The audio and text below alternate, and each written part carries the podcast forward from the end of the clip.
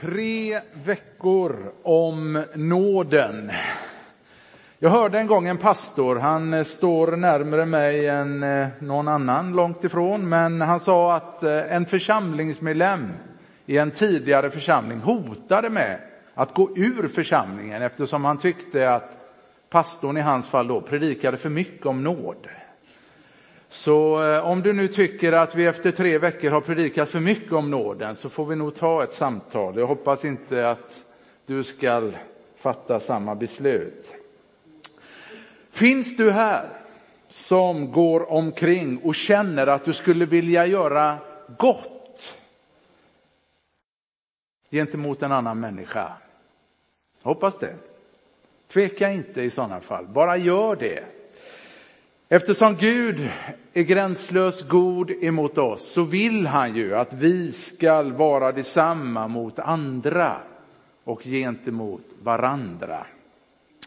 Idag ska vi bekanta oss med en man som drevs just av en sån vilja att vara god, nämligen kung David. Låt oss för ett ögonblick resa 3000 år tillbaka i tiden till de gamla kungarikena i Israel. Det var en brutal tid, ska tilläggas. Varje gång en ny dynasti kom till makten så fanns det två saker som den nya monarken eller kungen var ivrig att göra. Det första, det var att bekämpa alla fiender runt omkring sig så att man fick liksom regera i frid, i fred. Och så snart hans fiender var tillintetgjorda så riktade kungen i sin tur sina blickar mot den forne kungens familj, släktingar. Och av rädsla för att bli störtad från tronen så brukade varje ny kung avrätta samtliga i den tidigare kungafamiljen. Och överlevande släktingar till den forne monarken hade ju all anledning att vara rädd så fort eller så snart en ny kung satte sig på tronen. Och när kung Saul stupade i krig så flydde hans överlevande släktingar för sina liv när de hörde att kung David hade blivit Israels nye kung. De trodde att David skulle behandla dem lika illa som alla andra kungar i Österlandet gjorde. Men tänk så fel de hade. Vi läser Jonatan, Sauls son, hade en son som var förlamad i fötterna. Han var fem år när nyheten om Saul och Jonatan kom från Israel och hans sköterska tog honom och flydde. Men under hennes skyndsamma flykt föll han och blev halt. Han hette Mefiboset. Under flykten blev Mefiboset skadad för livet eftersom det inte fanns någon sjukvård eller någon medicinsk hjälp så förblev Mefiboset handikappad för resten av sitt liv. Och när vi nästa gång möter Mefiboset har det gått 15-20 år och vi förstår att Mefiboset, han är nu vuxen. David hade lagt beslag på tronen. Hela nationen sjöng hans lov och hans rykte var ännu obefläckat.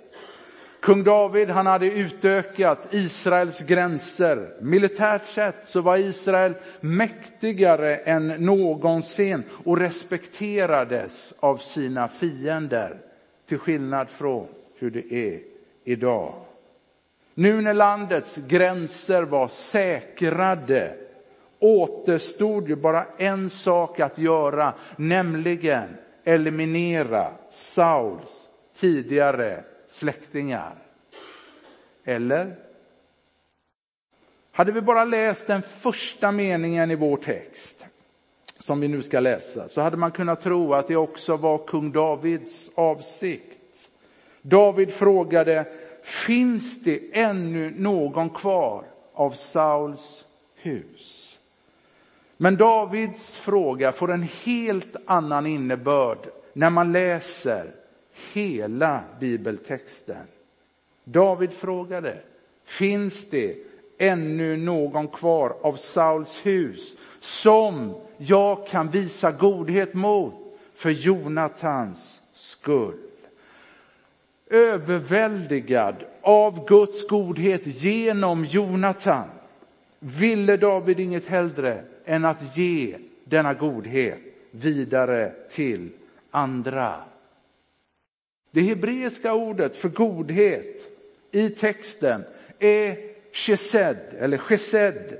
Ett ord som också kan översättas med barmhärtighet, mildhet, skönhet och nåd.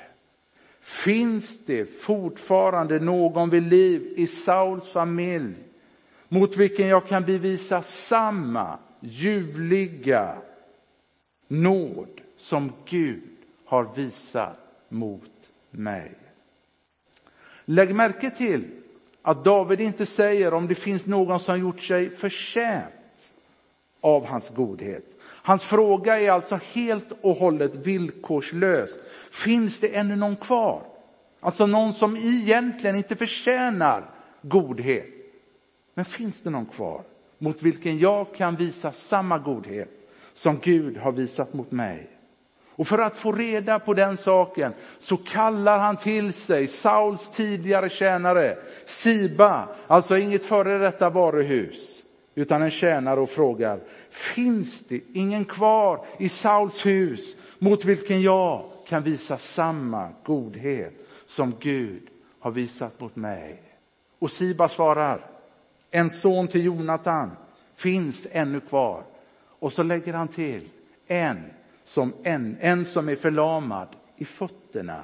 Alltså underförstått, ja, det finns en släkting kvar.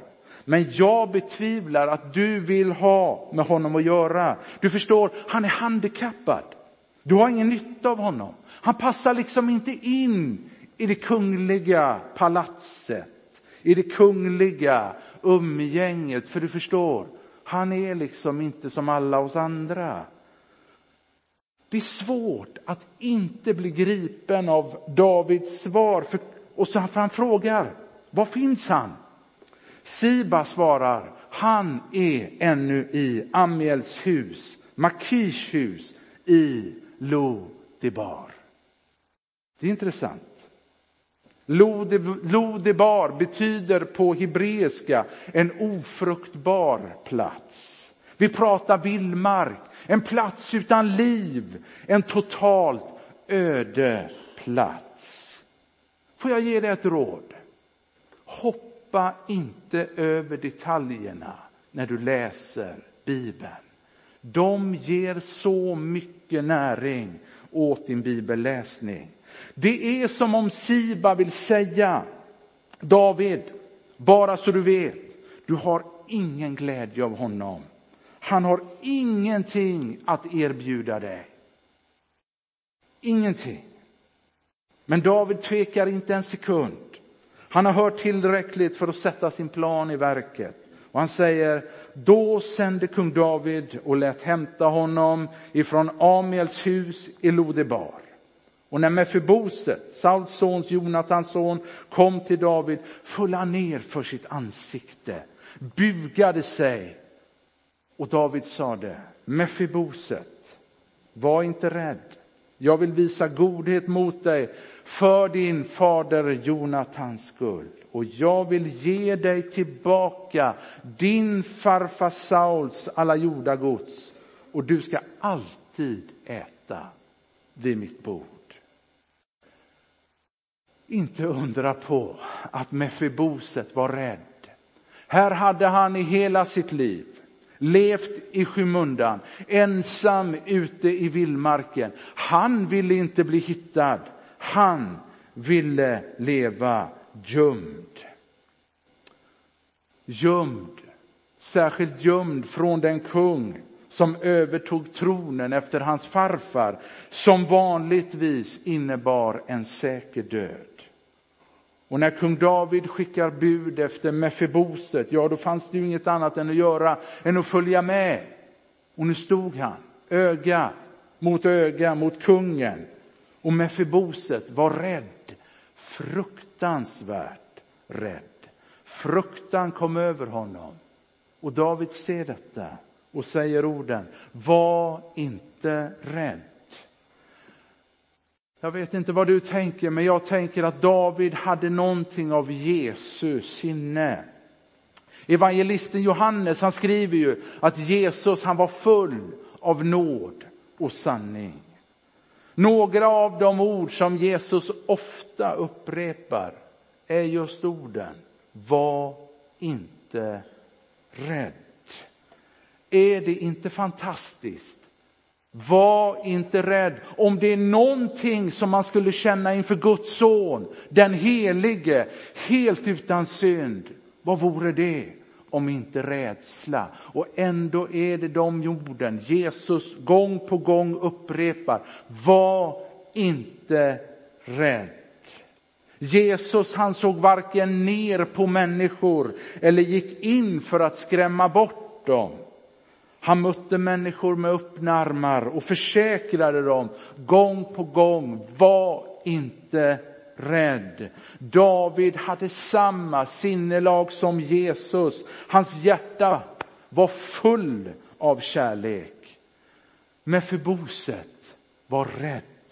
Fruktansvärt rädd. Rädd för att när som helst få ett spjut genom kroppen. Var inte rädd, försäkrar David. Det är som om man vill säga, jag har inte sökt upp dig för att straffa dig. Mina avsikter är helt och hållet goda. Missa inte poängen. Det fanns ingenting i Mefibosets liv som motiverade Davids goda vilja. Inga meriter, inga vitsord, ingen fysisk styrka. Alltså det fanns ingenting hos Mefiboset som motiverade Davids goda vilja. Mefiboset hade liksom ingenting att erbjuda honom tillbaka. Allt Mefiboset kunde säga var just orden. Vad är din tjänare? Att du skulle bry dig om en död hund som jag. Alltså orden död hund i sammanhanget är benämningen för en avskyvärd människa en fullständigt värdelös människa. Lägg där till att Mefiboset betyder den skamlige. Kom ihåg detaljerna. Lägg ihop allting så blir hans självporträtt ganska dyster. Det är som om Mefiboset vill säga, jag är bara en skamlig och värdelös människa som bor i ett dött landskap. Varför skulle du vilja ha med mig att göra? Jag är ett hopplöst fall. Vad vet jag? Kanske sitter du här idag som känner precis samma sak.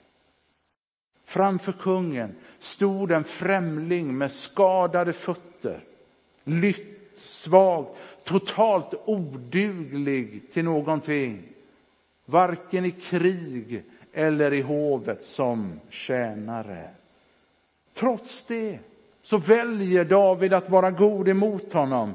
Vi läser, därefter talade kungen, kallade kungen till sig Sauls tjänare Siba och sade till honom, allt vad Saul och hela hans hus ägde vill jag ge åt din herres son.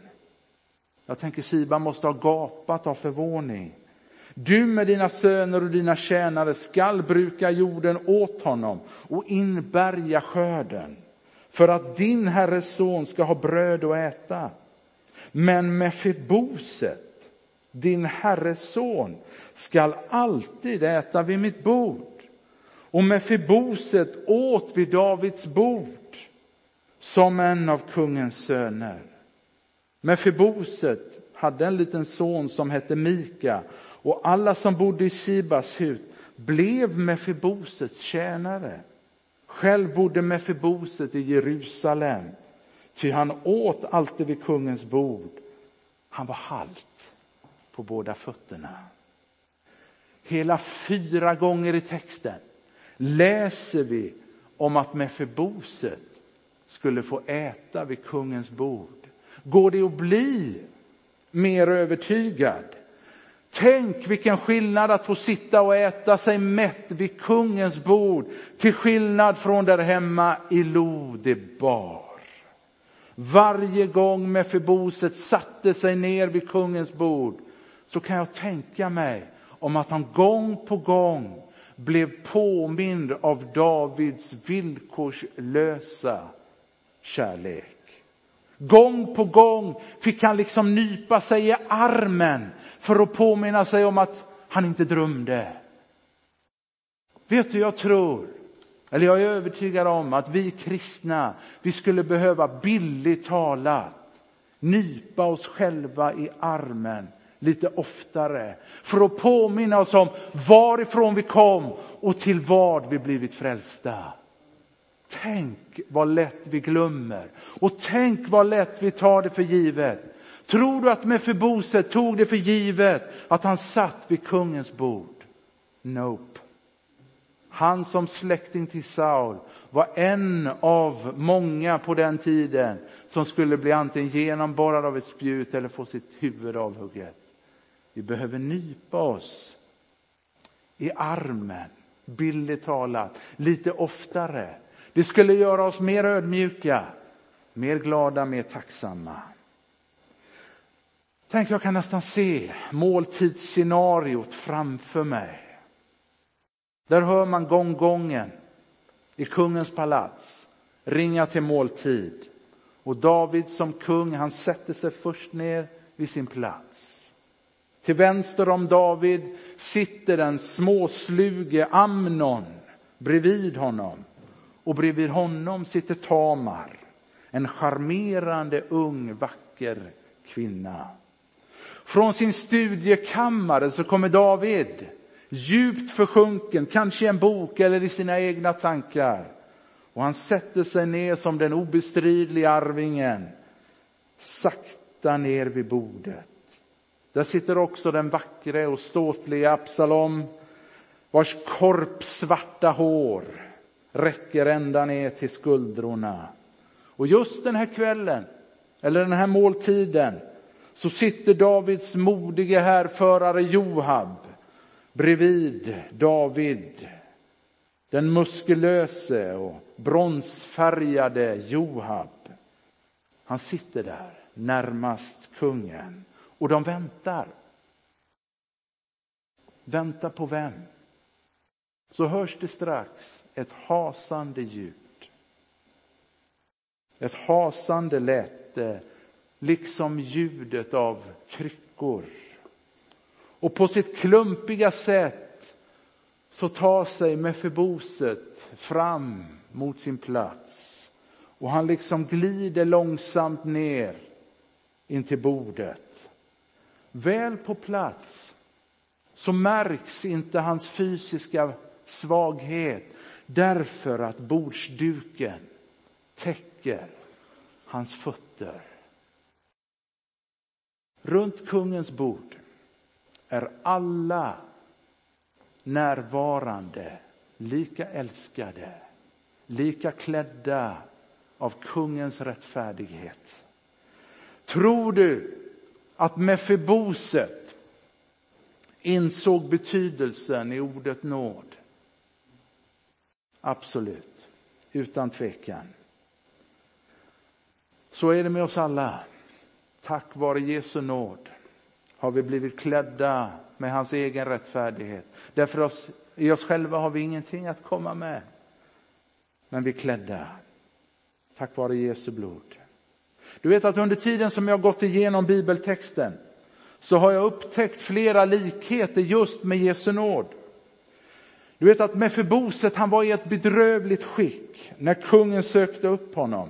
Och trots att 3000 år har gått så är mänsklighetens tillstånd fortfarande densamma. Mänskligheten är ett bedrövligt tillstånd utan Jesu nåd. En människa som vill, önska sig få del av Jesu nåd måste först erkänna att hon är förlorad. Först då förstår hon innebörden av nåden. Mefiboset han sökte inte upp kungen själv utan han blev själv uppsökt och benådad. Du vet att frälsningen som vi predikar härifrån, det är ingen mänsklig rättighet. Frälsningen är en oförtjänt gåva. Davids godhet bottnade i ett löfte som utlovades långt före Mefibosets födelse. födelse. Och vet du, det förunderliga med evangeliet som vi predikar, det är att det är påkommet, eller det föddes långt före tidernas begynnelse, långt före skapelsen formades det som vi idag kallar för det kristna evangeliet. Löftet om Kristus beslutades långt före världens skapelse. Läs Efesierbrevet kapitel 1. Och detta trots syndafallet. Det är ingen efterhandskonstruktion. Det kristna evangeliet föddes före världens skapelse och trots våra synder. Utan Davids godhet hade Mefiboset varit förlorad. Men död byttes mot liv och glädje. Gud vår far har gjort detsamma för oss. Han har räddat oss från vårt egna lodebar. Ett tillstånd av andlig död och gett oss evigt liv. Det är det kristna evangeliet. Kungen adopterade Mefiboset in i den kungliga familjen som blev välsignad i överflöd. Också vi har adopterats in i en kunglig familj som söner och döttrar och blivit rikligt välsignade. Tänk vilken påminnelse för Mefiboset om kungens nåd. Det är stort. Får jag fråga, befinner du dig i Lodibar? Kanske ständigt påmind om dina tillkortakommanden. Så är du inte bara fylld av skam, utan skammen gör dig bildligt talat lamslagen i din vandring med Gud. Rädd för följderna så har du valt att fly och nu befinner du dig på en livlös plats, hårt ansatt av rädsla för vad följderna ska bli. Men vet du vad? Jesu Kristi erbjudande om syndernas förlåtelse och hans löfte om överflödande liv står fortfarande kvar. Han är här. Han är här för att ge dig av sin heliga ande så att du kan leva samma liv som han och bli mer lik som han. Redan här idag, om du nu ändå inte tagit emot Jesus Kristus, så kan du få ta emot honom och fyllas av helig ande. Jag skulle avslutningsvis också vilja ställa en annan fråga. Finns det ännu någon kvar som du kan visa Guds godhet gentemot? Såklart det gör. Bara här inne finns ju massvis med människor som du kan slösa Guds godhet på, uppmuntra och ge kärlek. Du vet att nåden är församlingens fundament. Det är det vi bygger på. Inte på gärningar, inte på duktigare människor än de där ute. Församlingens fundament är nåden. Och det är också utan tvekan församlingens dragningskraft. Så fort människor där ute uppfattar oss som duktigare, präktigare, bättre än alla andra så blir vi inte särskilt attraktiva. Men nåden, när vi liksom tackar Gud för att tack gode Gud för att du fann mig i mitt egna lodebar på denna andligt livlösa plats. Där jag liksom var lämnad åt mitt eget öde, lämnad att dö. Där fann du mig. Och utan dig vore jag ute, jag vore jag död. Men du fann mig. När människor uppfattar oss som att nåden, det är vårt fundament, då blir församlingen attraktiv. Du vet ett tag, och jag hoppas ju att det är så fortfarande, så var det inne och pratade om nollvisioner. Nollvisioner i trafiken. Och jag hoppas att man fortfarande har nollvision i trafiken. Men vet du att varje församling borde ha nollvision vad gäller att aldrig sluta vara tacksam över nåden. Och att vi alla är färgade av Guds nåd. Ingen borde vara otacksam över nåden. Det borde vara församlingens nollvision. Vi vill inte att någon ibland oss ska vara en nådesdödare som sätter etiketter på människor och trycker ner dem istället för att lyfta dem. Finns det ännu ingen kvar? Jag är säker på att det finns människor omkring dig som aldrig har hört talas om Guds nåd, kanske än mindre fått uppleva den. Visa samma nåd mot andra som Gud har visat mot dig. Du vet att vi står i evig tacksamhetsskuld till honom som kom ner till oss, dog för oss, uppväcktes från de döda och som lever nu för att mana gott för oss. Jesu budskap var nåd, liksom församlingens budskap alltid är och förblir nåd. Du vet en vacker dag ska Guds folk samlas till bröllop. Lammets bröllop. Himmelskt bröllop. Där kommer bordsduken som är hans nåd dölja all vår svaghet. Vårt andliga handikapp kommer att vara som förbytt då ska vi stå klädda i hans rättfärdighet utan fläck och skrynklor. Vilken målbild! Och fram tills dess så uppmuntras vi, som Paulus säger, hämta kraft i den nåd som finns hos Jesus Kristus. Amen. Herre, tack för nåden, församlingens fundament och attraktionskraft. Herre, tack för att du är här. Här för att visa oss nåd. Här för att vara nådig, Herre. Herre, detta är en underbar plats att vara på, Herre. Därför att här predikas nåd. Och Herre, vi förväntas gentemot varandra och visa nåd. Herre, jag tackar dig för att Mölndals stad kommer att mer och mer, förhoppningsvis, och det ber vi om, få upptäcka att här i församlingen predikas nåd. Här levs nåden, här andas vi nåden, Herre, här drivs vi av nåden. Herre, välsigna fortsättningen av vårt möte. Och möt var och en, Herre. Kanske den som är i Lodebar, Herre.